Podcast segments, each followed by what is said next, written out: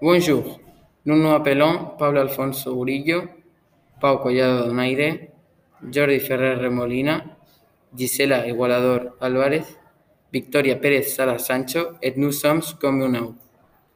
Dans ce podcast, nous allons parler des Jeux olympiques de Barcelone 1992. Barcelone a été choisi comme lieu le 17 octobre 1986 dans le Comité international olympique pour le vent de Paris, Brisbane, Belgrade, Birmingham et Amsterdam. C'était un résultat pour une ville qui l'a présenté cinq fois comme lieu dans 1924, 1936, 1940, 1972 et 1992.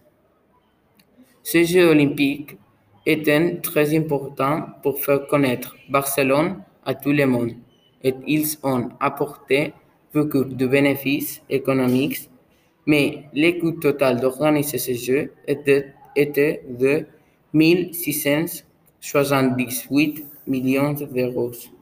Pour améliorer la ville, ses, ses services publics et pour construire de nouvelles installations sportives et intéresse à la ville.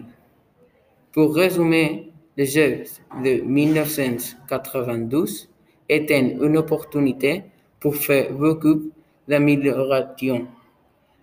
Après toute la préparation et avec 35 000 adjudants, tous volontaires, et 9 364 athlètes de différents sports et nationalités, le 25 juin 1992, les Jeux ont commencé. En les Olimpiades de 1992 es van trencar 32 rècords mundials i 73 rècords olímpics. El país que més medalles va guanyar va ser Estats Units, amb un total de 112. Espanya va quedar sisè, amb un total de 22 medalles. Van participar 169 països i es van jugar 257 esports. Va haver-hi un esport a destacar. Va venir a Barcelona la millor selecció de bàsquet de la història. Tots els jugadors eren nord-americans, s'anomenaven el Dream Team. En aquest equip es trobaven algunes superestrelles com Michael Jordan, Larry Bird, Magic Johnson, Scottie Pippen o Carmelo. La final la van jugar contra Croàcia i, com no, van guanyar amb un resultat de 85 a 117. Van ser molt bones Olimpiades a nivell esportiu. Com hem mencionat anteriorment, els Jocs van implicar tant un salt urbanístic i turístic per a la ciutat. Les organitzacions es van entendre molt bé i tot va sortir a la perfecció. Totes les modificacions inclouen la, les ampliacions de l'aeroport i la platja, la creació de la Villa Olímpica i la construcció de molts edificis a la zona de Montbau, per tal d'allotjar a tota la premsa. Totes aquestes modificacions es van fer en tan sols 5 anys. Van ser molt ràpids. La torxa olímpica és una antiga tradició dels Jocs Olímpics a Grècia. Simbolitza el foc que Prometeo robava als déus. També la llum del coneixement i de la raó dels homes. El seu objectiu és transmetre pau i esperança. Qui va encendre la torxa a les Olimpiades de Barcelona va ser Antonio Rebollo, un atleta paralímpic. Va fer un llançament amb arc des del centre de l'escenari. D'aquesta manera se'n va inaugurar les Olimpiades. Un dels aspectes més recordats va ser la cançó Barcelona, interpretada per Freddie Mercury i la soprano catalana Montserrat Cavaller. Segons ha explicat Cavaller, en alguna entrevista, va ser Mercury el que va insistir a interpretar algun tema amb ella. Ell deia que era la seva cantant preferida i ho va aconseguir, van gravar un àlbum que van promocionar durant 3 anys. Els dos van deixar actuacions memorables, com l'actuació inaugural davant de les fonts de Montjuïc, amb un enorme cor i un logo olímpic darrere. Possiblement us en recordeu quelcom. La mascota de les Olimpiades de Barcelona. Va ser una de les més famoses i més originals. Va ser coneguda a tot el món, ja que era fantàstica. Va tindre fins i tot una sèrie de dibuixos animats a la gent li agradava molt i hi ha molta gent que té peluixos dins de les seves cases, deia.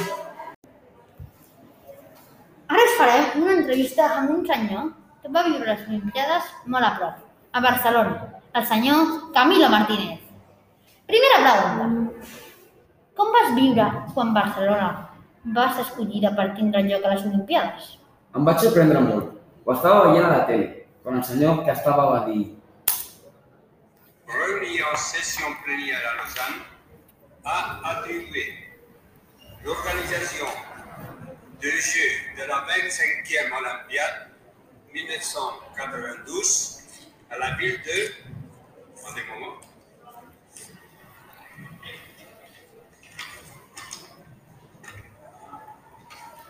À la ville de Barcelona, Espagne.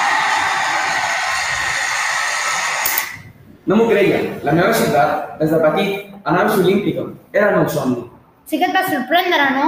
Moltíssim. No m'acabava de creure. Com hem dit abans, la ciutat va canviar per complet. Com va afectar per tu això a la gent? La gent estava molt nerviosa i impactada. Tothom estava esperant aquell estiu. Seria el millor estiu de la nostra vida. Van haver-hi un munt de reformes a la ciutat. Com les vas viure tu, des del teu punt de vista? Es va divertir un munt de diners. La veritat és que estava força preocupat, de que si les Olimpiades sortirien malament, seria un fracàs econòmic. També es van construir nous edificis per participants i per la premsa. Quin va ser el que més et va agradar? A mi, personalment, el Palau Sant Jordi. M'encanta el seu disseny. Em transmetia molta alegria i ganes de veure el concert dins d'aquest meravellós espai. Què et va semblar la inauguració? Molt bonica. La gent estava entusiasmada, encara que em va donar respecte al tema del Freddy. Però l'ambient era fantàstic. Si no coneixeu la cançó, ara la posarem.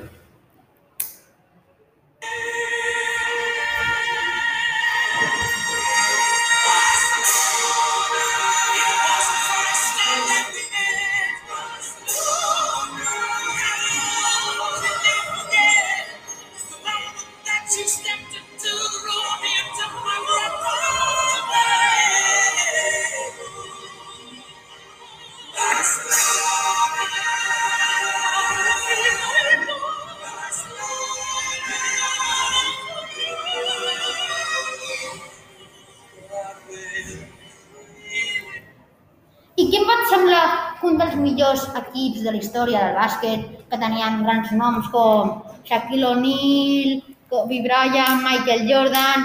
Com va, què es va semblar que estigués present aquí? Va ser un honor i una responsabilitat a la vegada, ja que eren excel·lents jugadors. A més, van fer l'esforç de venir a Barcelona, encara tenim la següent temporada de la NBA a la cantonada. I per última pregunta, que ha sigut un espectacle aquesta entrevista, va ser el millor estiu de la teva vida? Sí, per mi sí, ja que m'ho vaig passar molt bé. I jo treballava a un restaurant i gràcies a això va millorar molt la nostra economia. És veritat, perquè la gent, hi, hi, hi anava molta gent als bars i tot, no? Vale, gràcies. Ha sigut un plaer parlar amb tu. Moltes gràcies per les teves històries i opinions. Gràcies a tu. Bé, aquest ha estat el nostre podcast d'avui. Esperem que us hagi agradat, ja que nosaltres hem gaudit fent-lo. Esperem que escolteu el podcast de la setmana que ve i des de les oficines de Comú Nou us desitgem un bon dia. Adéu!